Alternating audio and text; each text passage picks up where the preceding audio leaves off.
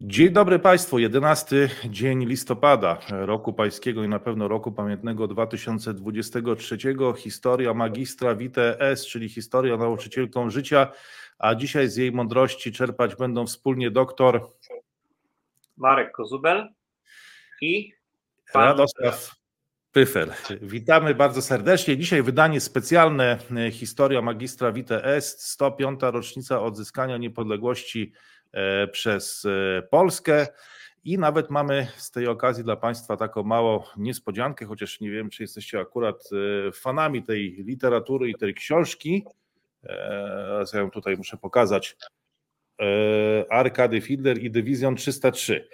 Jeżeli wpiszecie w komentarzach hashtag 11 listopada albo Dywizjon 303, to wylosujemy szczęśliwego mm, E, nowego właściciela albo nową właścicielkę tej książki, która ma już tak na dobrą sprawę chyba e, wartość historyczną, bo ma kilkadziesiąt lat i to jest to, co chcieliśmy Wam na Dzień Niepodległości sprezentować.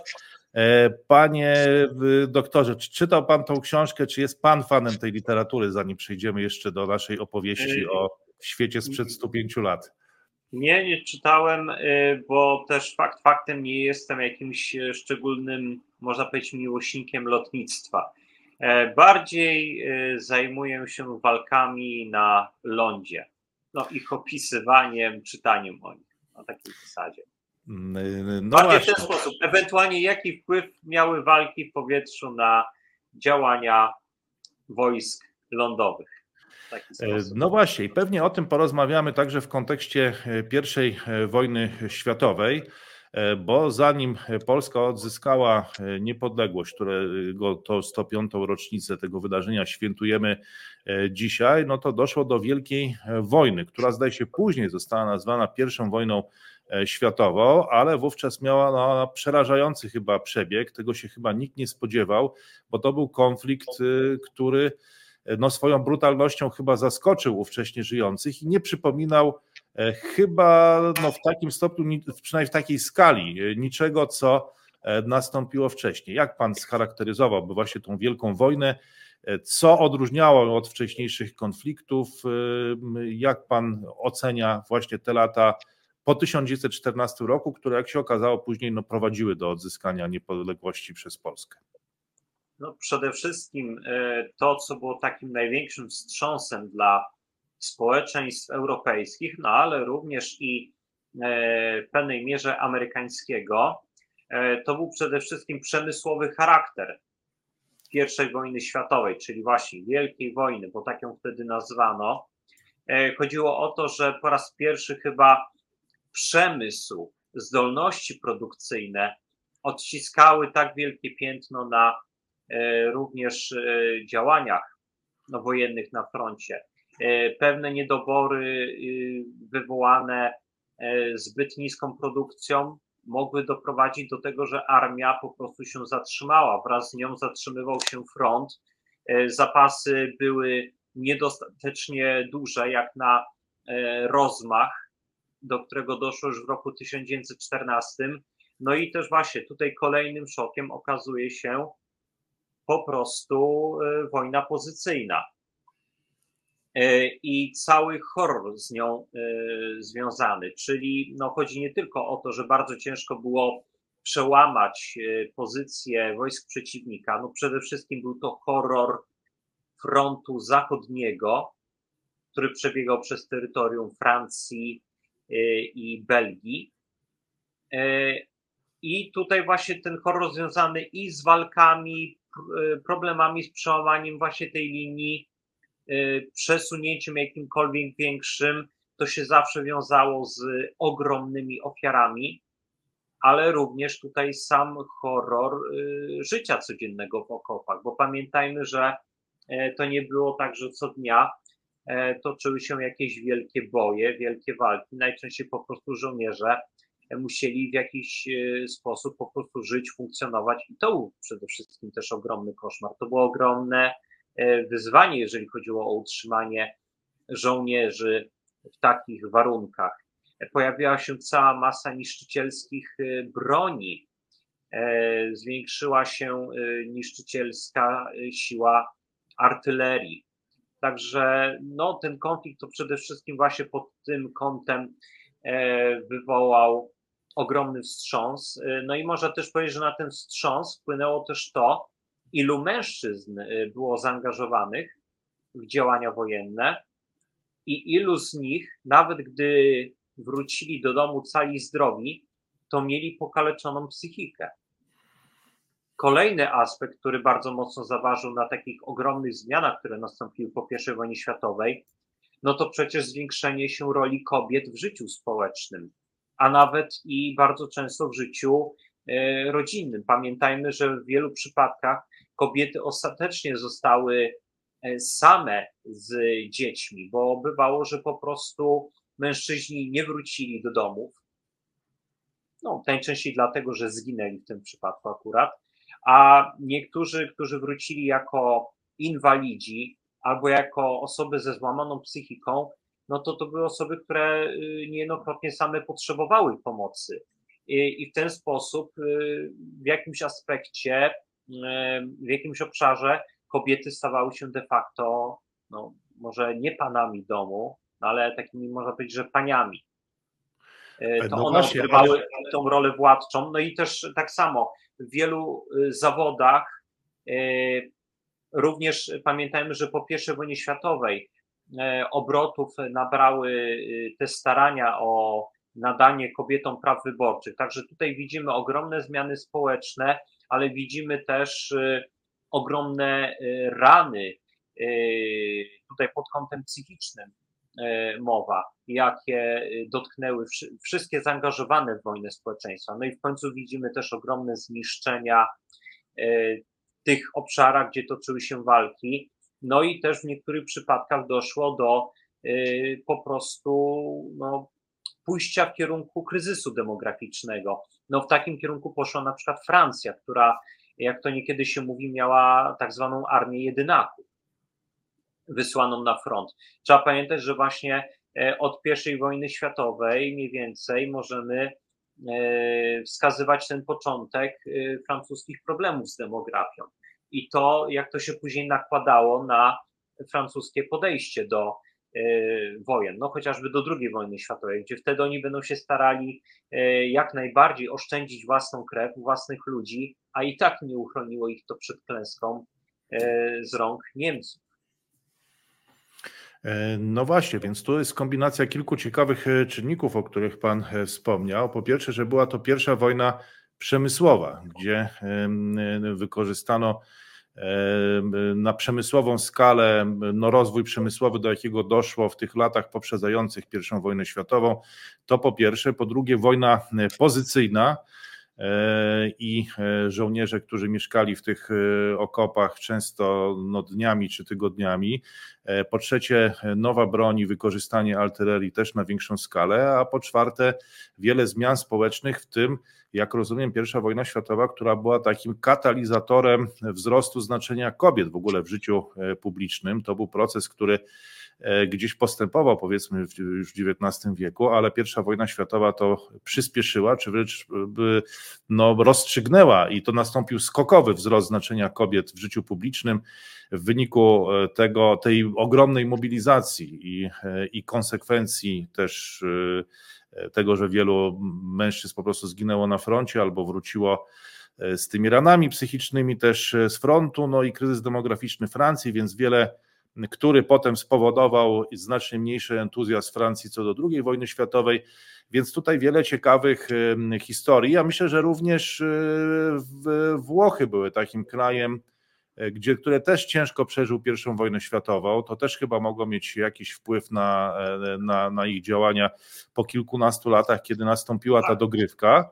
A, ale panie doktorze, czy jeszcze oprócz tego, no, konsekwencją tej pierwszej wojny światowej nie był ostateczny rozpad tych mocarstw i czy, czy pierwsza wojna światowa również nie była katalizatorem, no jakby to powiedzieć, tutaj szukam jakiegoś dobrego słowa, może pomoże, czy to był duch narodowy, czy świadomość narodowa, e, rozpadły się te imperia, powstały nowe państwa i między innymi Polska. No i właśnie, jak tutaj e, pan ocenia to zjawisko, które nas bezpośrednio dotyczyło, że z tej pierwszej wojny światowej wyłonił się taki kraj jak II Rzeczpospolita. I jak to w ogóle wyglądało w wykonaniu Polaków, którzy przecież przystąpili do tej wojny, tej wielkiej wojny wówczas na różnych frontach i, i po stronach różnych, po stronie różnych mocarstw i imperiów. No, żeby tak nie przedłużać, ma Pan rację, jak najbardziej. E, jeżeli chodzi o te kwestie polityczne i terytorialne, o zmiany na tym polu, to faktycznie pierwsza wojna światowa przynosi e, przeogromne zmiany w tym zakresie i to właśnie e, przede wszystkim w obszarze Europy Środkowo-Wschodniej, bo mówimy tutaj no, na tym obszarze przede wszystkim o upadku II Rzeszy Niemieckiej, Zmienia się ona po prostu e, w Rzeszę Niemiecką, zwaną też potocznie Republiką Weimarską. Z drugiej strony, i to przede wszystkim, upadają Austro-Węgry i rozpadają się one, czyli monarchia Habsburgów, na e, wiele różnych państw.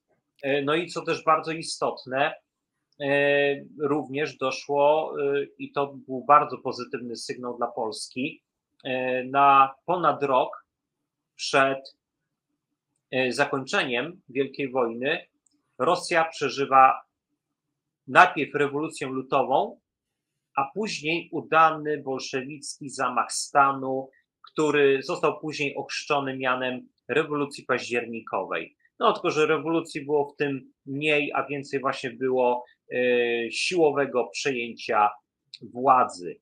Ale dlaczego to było tak istotne? Otóż dlatego, że na rok przed podpisaniem rozejmu, bo to w zasadzie y, weszło w życie 11 listopada 1918 roku, no, doszło do y, przewrotu w Rosji, który tak na dobrą sprawę, jakby to powiedzieć, wyłączył ten kraj, jednego z naszych zaborców, z grona państw należących do Ententy. No i to był bardzo pozytywny sygnał, bo pamiętajmy o jednej rzeczy. Podczas trwającej później rosyjskiej wojny domowej, y, zachodni, y, no ci sojusznicy Polski, prawda, ci zachodni, czyli Ententa, Francja, Wielka Brytania, Stany Zjednoczone, oni mocno stawiali na te siły białe, kontrrewolucyjne, antybolszewickie. E, tylko e, A uważa pan, że gdyby Biała Rosja nie upadła, to byłyby nici z niepodległości Polski? Bo muszę tutaj e, zadać to pytanie. Ja obawiam się, że bardzo ciężko byłoby utrzymać polską niepodległość i na pewno moim zdaniem druga Rzeczpospolita nie byłaby państwem tak rozległym. Też nie wiemy do jakiej formy związków z Rosją nie chciałyby, nie chcieliby czasem E, przedstawiciele Ententy zmusić e, Polskę. To jest naprawdę bardzo mocno otwarta karta, ogromne pole do gdybania. Ja obawiam się, że wcale nie byłoby tak dobrze. Z jednej strony niektórzy twierdzą, że uniknęlibyśmy tego najazdu sowieckiego z 1920 roku. Tylko no, pytanie, czy aby w tamtym roku albo w jeszcze innym E, w przypadku zwycięstwa powiedzmy Antona Denikina nie doszłoby przypadkiem do ataku no, Białej Rosji. Tego nie wiemy. Albo czy nie doszłoby do tego, że państwa zachodnie w jakiś sposób zmusiłyby Warszawę do tego, żeby się jakoś podporządkowała Rosji. Żeby na przykład została kimś w rodzaju, nie wiem, wasala, junior partnera. Czyli Królestwo Polskie z czasów powstania, e, sprzed powstania listopadowego. A kto wie, możliwe, że naprawdę by tak było. Tylko oczywiście wiadomo, Zachód, podobnie jak na kongresie wiedeńskim, e, ustaliłby, że Rosja ma gwarantować jakąś powiedzmy szeroką autonomię Polsce, albo że e, oba kraje mają być złączone powiedzmy unią personalną. No i co wtedy? Jaka byłaby pewność tego, że Rosjanie znowu nie zaczęliby e, łamać tych postanowień, naruszać ich? wykorzystywać powiedzmy y, jakichś powiedzmy zdrajców, no chociażby takim był generał Józef Zajączek, który no, wysługiwał się Rosjanom w tym aspekcie. Czy y, po prostu na początku XX wieku, zaraz po odzyskaniu niepodległości, i powiedzmy po takim hipotetycznym poprowadzeniu powiedzmy wydarzeń, prawda, czyli że Biała Rosja wygrywa, pokonuje Sowietów, a potem mamy właśnie E, coś takiego, takie można powiedzieć wymuszone jakieś porozumienie, e, czy też nie znalazłby się ktoś, kto by się Rosjanom no e, właśnie, ale, ale, ale panie doktorze, czy to nie byłaby realizacja, to nie byłaby realizacja koncepcji endeckiej, czyli zebrania wszystkich ziem polskich pod berłem Rosji? No, to jest możliwe i kto wie właśnie, czy nie byłoby ku temu jakieś poparciem. I tutaj powiedzmy tak, endecja mogłaby tak sobie próbuję to jakoś wyobrazić. Co by było, gdyby powiedzmy państwa ententy próbowały coś takiego wymusić na e, Polsce. I tutaj podejrzewam, że pewnie endecy by starali się tutaj wykorzystać sytuację i tłumaczyć to Polakom w taki sposób, no widzicie, takie są okoliczności, ale możemy na tym coś ugrać. E, oderwijmy więcej ziem od e, Niemiec, na przykład więcej Śląska, I tutaj myślę, że e, być może nawet Ententa poszłaby Polsce na rękę. E, kto wie, może i Polska na początku XX wieku wyglądałaby w jakiś sposób podobnie do, do, do PRL-u. Do, do naszej współczesnej Polski, tak, do takiego PRL-u, tylko że bez tego obciążenia w postaci komunizmu.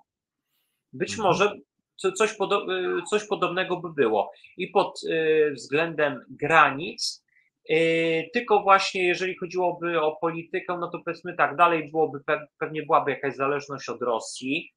No, zamiast kogoś w rodzaju pierwszego sekretarza czy prezydenta mielibyśmy zapewne właśnie przecież króla albo kogoś, kto by no, zastępował rosyjskiego władcę pod jego nieobecność czyli takiego powiedzmy namiestnika albo wicekróla. E, ale no właśnie ta zależność wobec Rosji pewnie jakaś by była. Tylko tak jak mówiłem, pewnie bez tego obciążenia w postaci e, komunizmu. No i e, panie doktorze, tutaj jak sądzę, no endecy kalkulowali, pewnie kalkulowali, że, że taki, w takim kształcie Europa może wyłonić się z tej pierwszej wojny światowej, a tu stały się rzeczą, o których filozofom się nie śniło, bo Rosja się po prostu rozpadła, przeszła przez rewolucję lutową, a potem bolszewicy podnieśli tą władzę z ulicy, bo zdaje się, że tak mówiono, że ta władza leży na ulicy i trzeba tylko po nią sięgnąć i sięgnął po nią przywieziony przez Finlandię w pociągu. Niektórzy twierdzą, nie wiem czy pan jest też e, zwolennikiem tej hipotezy, że przywiezionym pociągiem przez e, Niemców e, Włodzimierz Ilicz Lenin i Rosja staje się tym państwem bolszewickim, przechodzi przez wiele wewnętrznych problemów jeszcze przez długi czas. To jest historia trochę nam znana, chociaż zakładam, że pewnie zechce Pan się w kilku słowach do niej odnieść, ale mówiliśmy w naszych poprzednich rozmowach też, jakie problemy przechodziła carska Rosja i do tego też odsyłamy. Ale gdyby jeszcze zechciał Pan powiedzieć nieco więcej o tej historii mniej znanej, czyli o upadku Austro-Węgier, czy to w ogóle była niespodzianka czy sensacja dla ówcześnie żyjących, że Austro-Węgry rozsypały się jak domek z kart, bo kajzerowskie Niemcy przegrały na tym zachodnim froncie, Rosja się wewnętrznie rozpadła, przeżyła tą implozję, no ale także i Austro-Węgry się y, całkowicie załamały i rozpadły, no i to stworzyło zupełnie nową sytuację. Czy to było niespodzianką pewnego rodzaju, czy jednak no, można było się tego spodziewać po tym zamachu e, w Sarajewie, kiedy Austro-Węgry przystępowały do wojny, czy, czy, czy w ogóle taka opcja, w ogóle ówcześni ludzie sięgali jakoś swoją wyobraźnią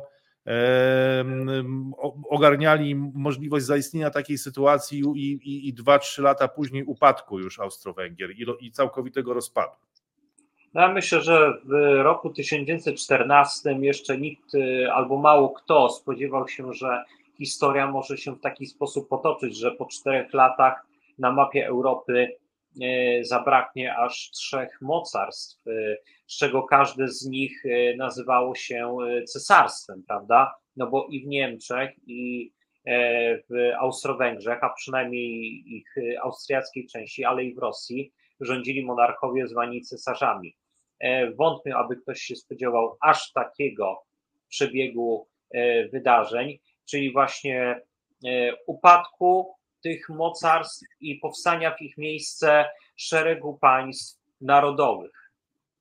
Nie, moim zdaniem to nie było aż tak do przewidzenia.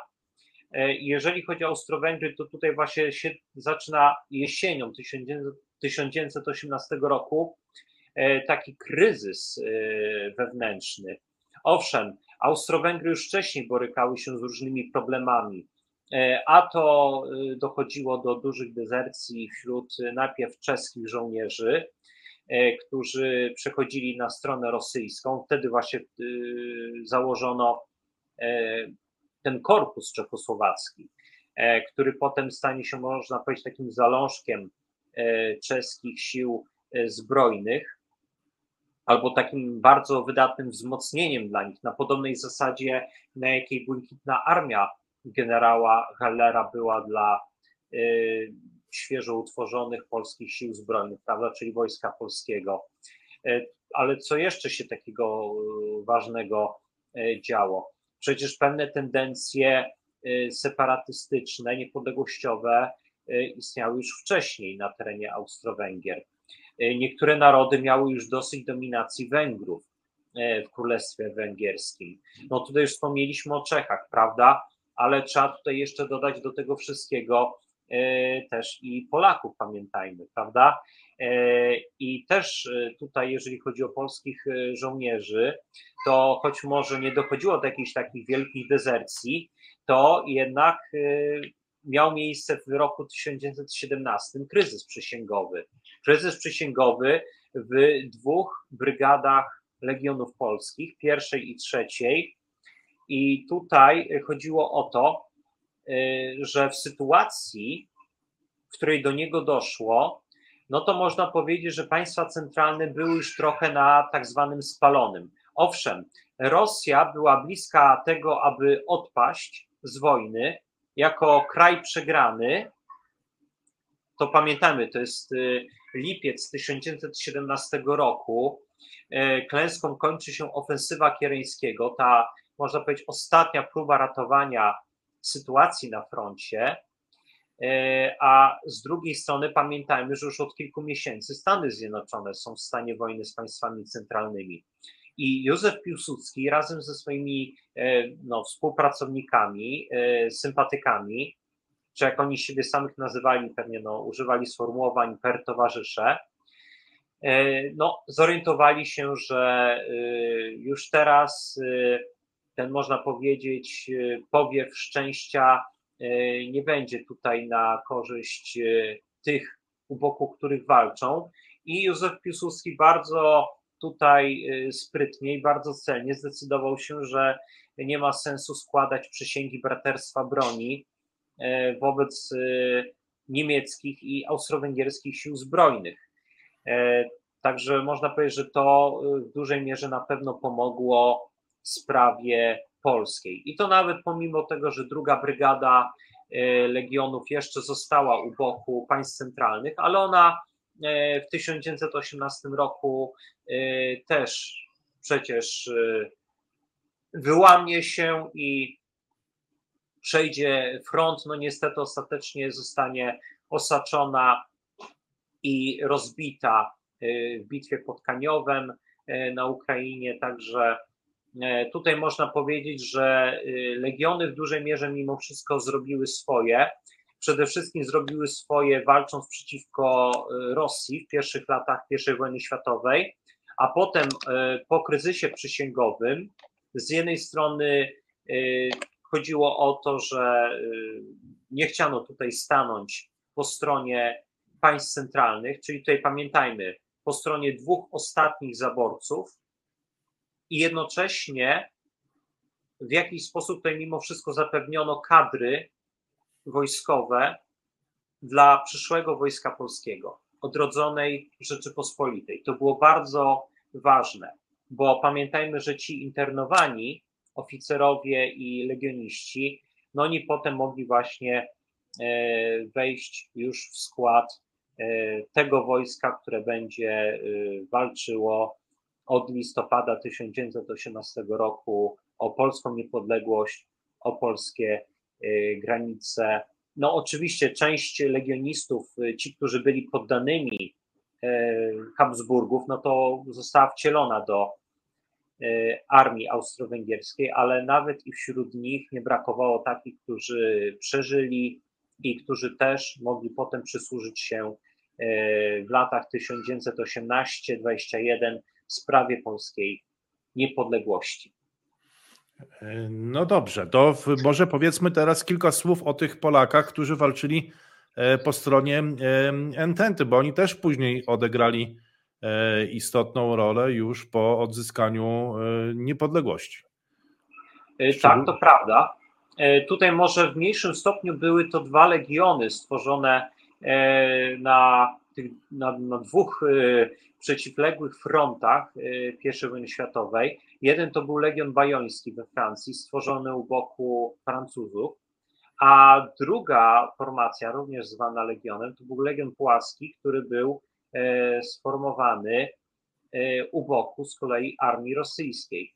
Z tym, że oba poniosły straty na froncie i koniec końców, no, ich szlak bojowy nie był tak bogaty, nie był pełen y, tylu starć i różnych innych wydarzeń, co właśnie legionów polskich. E, to, co jednak e, sformowano więcej w obu państwach, i w Rosji, i we Francji, e, miało miejsce z kolei w roku 1917. Dlaczego? Ponieważ w 1917 zaczyna się formowanie Błękitnej Armii, a z drugiej strony już e, można powiedzieć, że w warunkach rewolucyjnych na terenie Imperium Rosyjskiego zaczęły się tworzyć polskie organizacje wojskowe, polskie komitety. E, I w ten sposób na terenie e, byłego Imperium Rosyjskiego z czasem powstają, o ile dobrze pamiętam, trzy korpusy polskie. Na dalekiej Syberii powstaje też dywizja y, syberyjska. Y, także tutaj mamy tutaj, no podobnie jak we Francji, też do czynienia z formowaniem już większych jednostek polskich niż miało to miejsce na początku Wielkiej Wojny. I faktycznie w obu przypadkach ci żołnierze też potem będą uczestniczyć w walce o polską niepodległość i polskie granice. Jeżeli chodzi o tych żołnierzy y, polskich formacji, y, które powstały na terenie Imperium Rosyjskiego, e, to tutaj ich los był y, różny.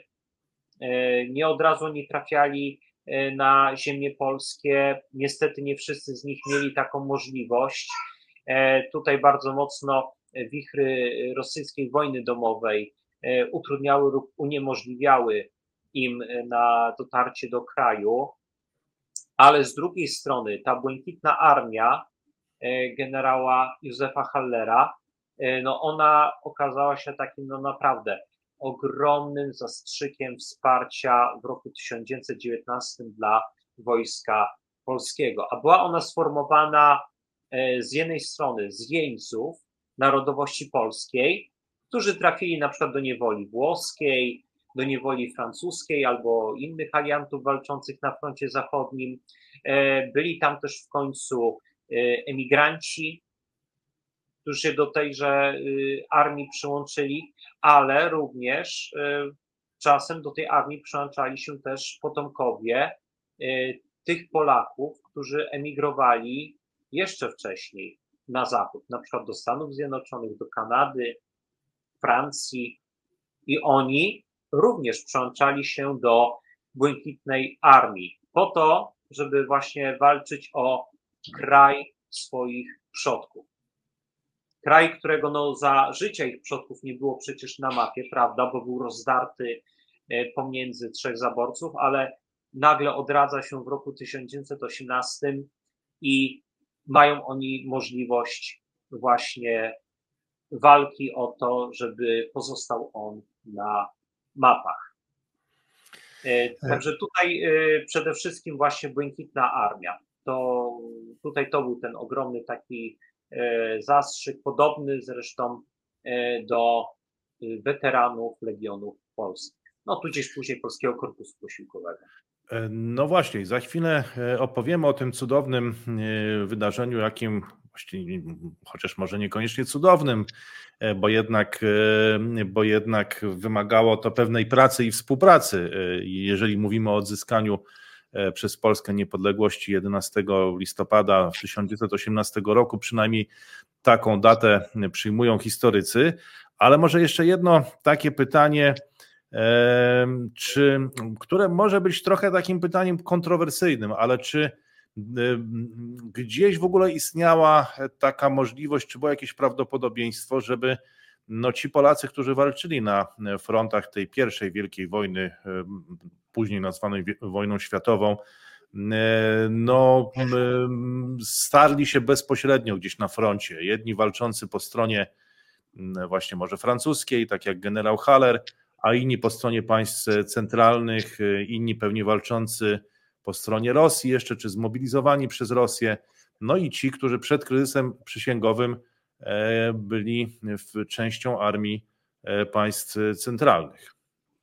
No tutaj pozwolę sobie na małą poprawkę, bo zanim generał Haller e, stanął po stronie Ententy, to pamiętajmy, że przez kilka lat walczył po stronie, tak można powiedzieć, państw centralnych, jako jeden z oficerów legionów polskich. Ale y, tutaj wracając do tego głównego pytania, bo e, chodzi właśnie o to, czy niestety przelewano krew y, bratnią, krew rodaków, tylko że w innych mundurach. No niestety z pewnością y, do takich sytuacji dochodziło. Można tak powiedzieć, że niestety, ale pierwsza wojna światowa jest tak trochę pod tym kątem zapomnianym konfliktem, a naprawdę bardzo wielu, przodkowie bardzo wielu Polaków, współczesnych Polaków e, walczyli w tamtej wojnie i być może albo znaleźli się w takiej sytuacji, że mógł ich zabić e, rodak, że w innym mundurze, często nawet nie zdając sobie z tego sprawę, do kogo mierzy, czy kogo chce powiedzmy pchnąć bagnetem albo ciąć szablą, e, albo nawet byli tacy, którzy niestety, ale i polegli e, w takich e, okolicznościach. Także no tutaj e, też musimy mieć to na uwadze, że Polacy z Wielkopolski albo Pomorza, Górnego Śląska mogli gdzieś się zetrzeć powiedzmy z Polakiem pochodzącym z Warszawy, Lubelszczyzny albo ziem zabranych.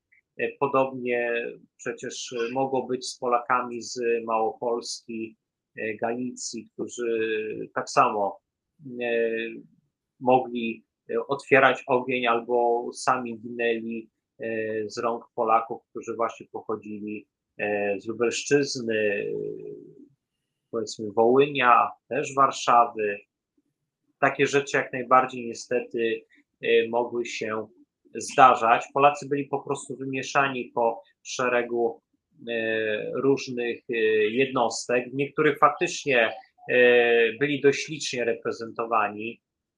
Tutaj nawet w niektórych opracowaniach wyliczano mniej więcej, jaki procent żołnierzy w niektórych na przykład pułkach austriackich mogli stanowić Polacy. I niekiedy ten odsetek bywał naprawdę bardzo duży, bo stanowił grubo ponad połowę składu osobowego.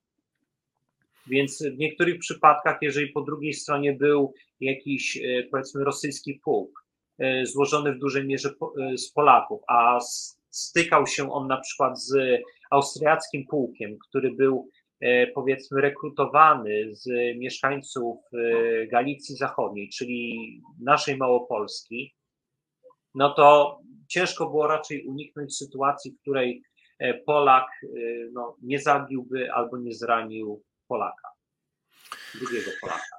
E, no właśnie, to był ten chaos pierwszej wielkiej wojny przemysłowej, jaką była e, wielka wojna tamtych czasów, i z tego chaosu tej pierwszej wielkiej wojny też e, przemysłowej wyłania się niepodległa Polska w 1918 roku jesienią i właśnie 105. rocznicę tej niepodległej Polski dzisiaj świętujemy. E, co Pana zdaniem było mm, y, tym decydującym, e, jakby może momentem albo zasługą, czy to co też zdecydowało o tym sukcesie, że Polska się jednak z tego chaosu tej wojny, wielkiej wojny przemysłowej, strasznej, brutalnej w tamtych czasach wyłoniła. Nawet no tutaj te wszystkie kalkulacje endeckie też wzięły łeb, bo nie planowano, aż widać, że wyobraźnia tamtych czasów nie ogarniała tego, że w ogóle może stworzyć się taka okazja. Myślano o jakimś właśnie jednoczeniu ziem polskich pod berłem rosyjskim, a tymczasem jakby ta romantyczna koncepcja, nie wiem, czy Słowackiego, czy Mickiewicza, do którego to nawiązywali zwolennicy Józefa Piłsudskiego, no, czując się jego spadkobiercami, ich, jej spadkobiercami, no, pojawiła się i pojawił się taki moment historyczny i Polska to wykorzystała. Co myśli pan, że było tutaj E, najistotniejsze do tego, żeby tą pojawiającą się okazję wykorzystać. Czy uważa Pan, że, że to właściwie i tak po prostu ci trzej cesarze upadli e, i ta władza też można powiedzieć, czy też niepodległość, czy też niepodległość leżała na ulicy i trzeba było ją tylko e, podnieść i że to nie był wielki wyczyn. Jak Pan to ocenia dzisiaj po 105 latach? Znaczy, myślę, że tak. Jeżeli chodzi o samą sytuację, czyli e, te pierwsze miesiące niepodległości, e, tutaj przede wszystkim Polsce sprzyjało bardzo mocno to, że znajdowała się na bardzo dalekich, mało interesujących peryferiach e, tej wielkiej rosyjskiej wojny domowej. Ziemie polskie nie były wtedy, można powiedzieć, objęte obszarem takich wyniszczających walk, różnych e, represji, e, drenowania e, zasobów, jakie miała ludność cywilna przez walczące strony. To też sprzyjało temu, że nie rozwinął się tak u nas bandytyzm, nie dochodziło do aż takich fal głodu, choć wiadomo, no, różne jakieś takie przypadki E, też czasem miały miejsce, nie we wszystkich regionach, nie wszystkie rodziny żyły w dostatku po Wielkiej Wojnie, ale mimo wszystko tutaj moim zdaniem Polsce się poszczęściło o tyle, że właśnie w pewnym momencie znalazła się na peryferiach i przez długi czas nie była na przykład dla Sowietów aż tak powiedzmy ważnym przeciwnikiem. Pamiętajmy, że Polska staje się tym, można powiedzieć, jednym z czołowych przeciwników. Dopiero w roku 1920, a przez długi czas tego roku była wręcz nawet można powiedzieć, że głównym, głównym oponentem Rosji sowieckiej, głównym zagrożeniem dla tejże Rosji. Co jeszcze pomogło? Zdecydowanie tutaj polityka ententy która była nastawiona na stworzenie niepodległego państwa polskiego. I tutaj bardzo mocną rolę odgrywała przede wszystkim Francja. E, no, w ostatnich latach można było zauważyć jedną rzecz, że tą rolę Francji, e, pozytywną rolę Francji w odzyskaniu przez nas niepodległości, e, a potem w jej utrzymaniu, no to starano się no, w dużej mierze z powodów politycznych jakoś tak przemilczeć, trochę tam zepchnąć na jakiś boczny tor, e, a w dużej mierze też starano się wywyższyć powiedzmy rolę e, Węgier, no głównie w kontekście roku 1920, ale e, gdyby się powiedzmy cofnąć w czasie i w roku 1918 albo 19 spytać się ówczesnych Polaków, kto tutaj jest takim najważniejszym, można powiedzieć, protektorem, sojusznikiem Polski, no to wątpliwe by ktokolwiek wymieniał Węgrów, wymieniano by zdecydowanie Francję jako e, tego protektora, tego sojusznika, partnera, który sprzyja utrzymaniu niepodległości. No powiem tak, rolę Francji, żebyśmy tak to sobie jakoś wyobrazili, można w pewien sposób porównać do roli, jaką dzisiaj odgrywają powiedzmy Stany Zjednoczone albo Wielka Brytania dla Ukrainy w jej wojnie z Rosją. I Francuzi tak samo dostarczali nam e, zaopatrzenie, broń.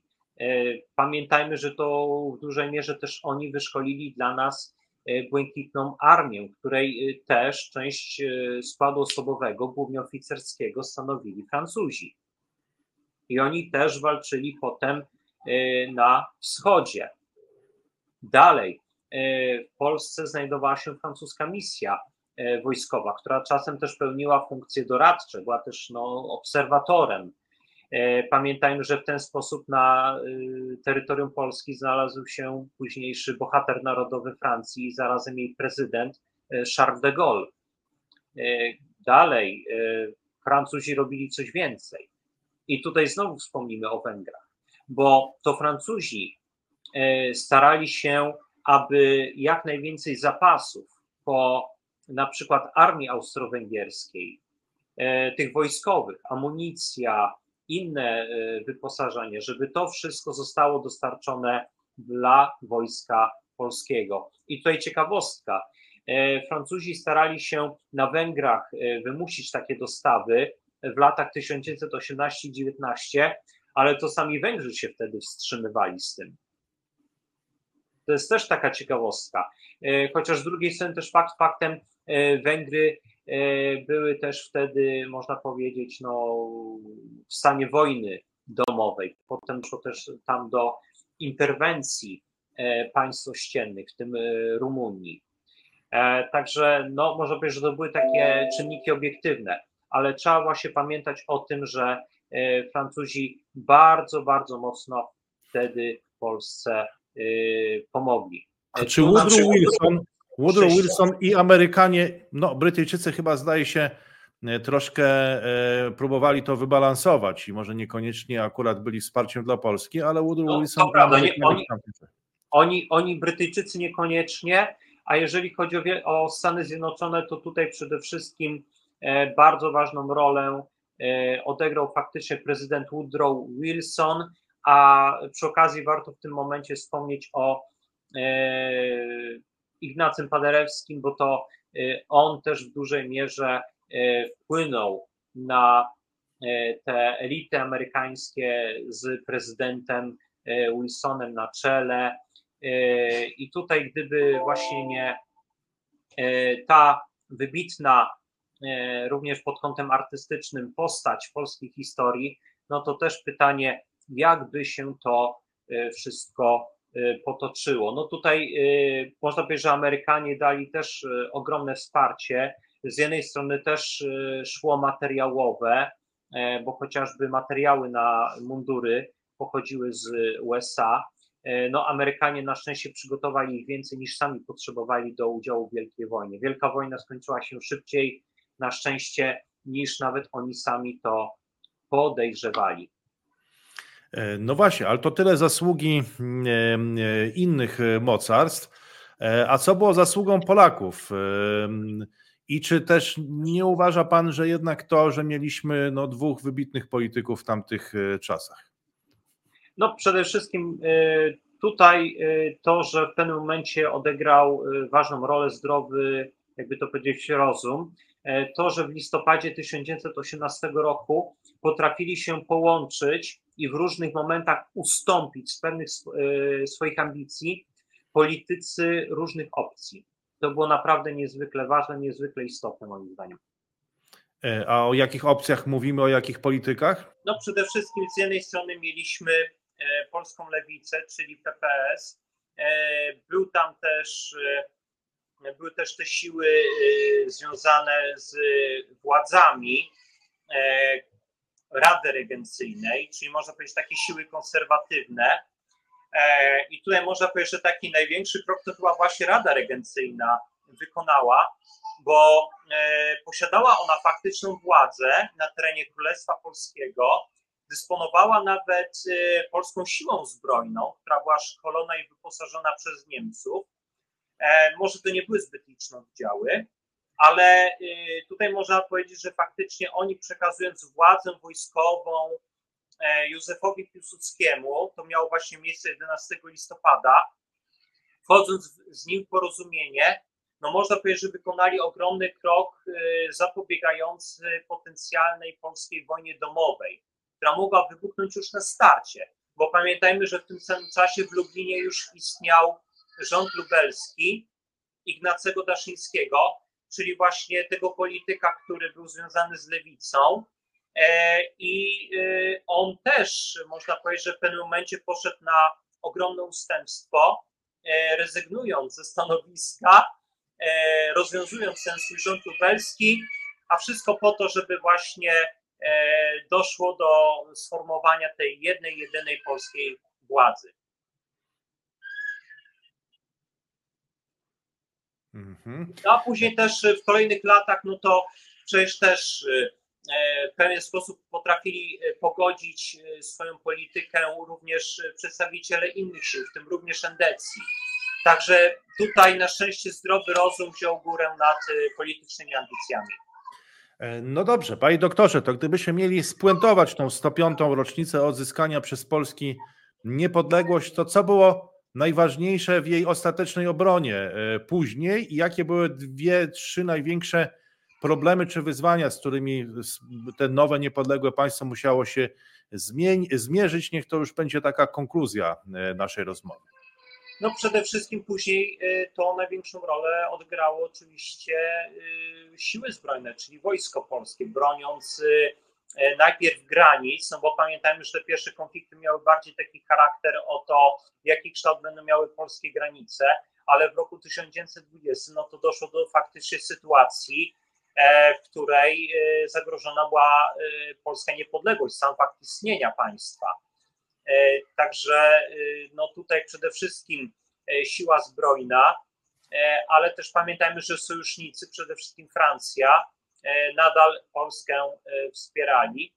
E, ale jeżeli chodzi o te największe wyzwania, przed jakimi stanęło odrodzone państwo polskie, mniej więcej tak powiedzmy od momentu podpisania traktatu ryskiego w marcu 1921 roku. Przede wszystkim unifikacja kraju pod kątem prawnym, jeżeli chodziło o oświatę.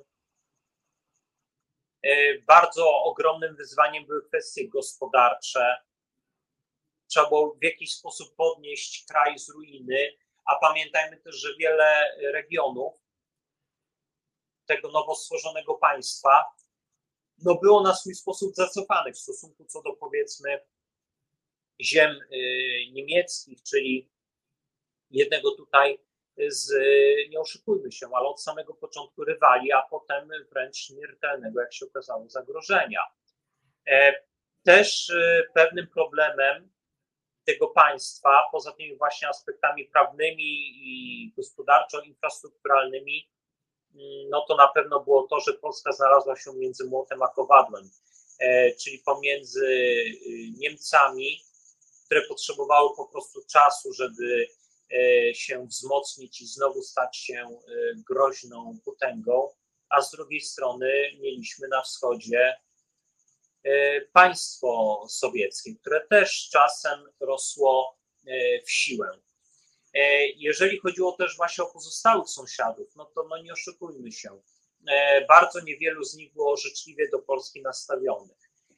Z Czechosłowacją też były pewne zadry, problemy, był też problem związany z Zaolziem, czyli problem tutaj jak najbardziej terenowy. Z Litwinami też był konflikt.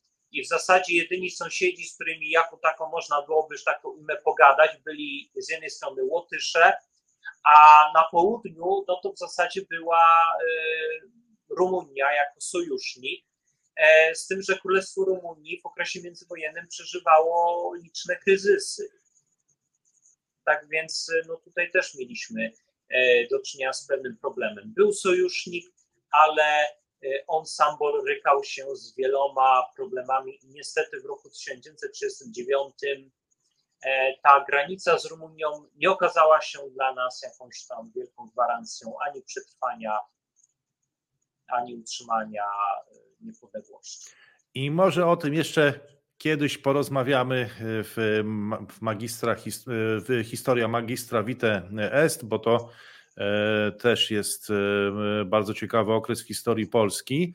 E, tutaj mówił Pan o tej obronie granic, o unifikacji kraju, o tym, że jednak samo odzyskanie niepodległości nie zmieniło położenia geograficznego Polski. Te rosnące potęgi z zachodu i wschodu w pewnym momencie no, sprawiły, że stanęliśmy pomiędzy nimi znowu, a do tego mieliśmy nie najlepsze relacje z sąsiadami, no może z wyjątkiem Łotyszy i Rumunów. No ale na jakiś czas tą niepodległość udało się obronić. Dzisiaj obchodzimy jej 105. rocznicę, a więc cieszmy się z tego, proszę Państwa, i cieszmy się tym dniem.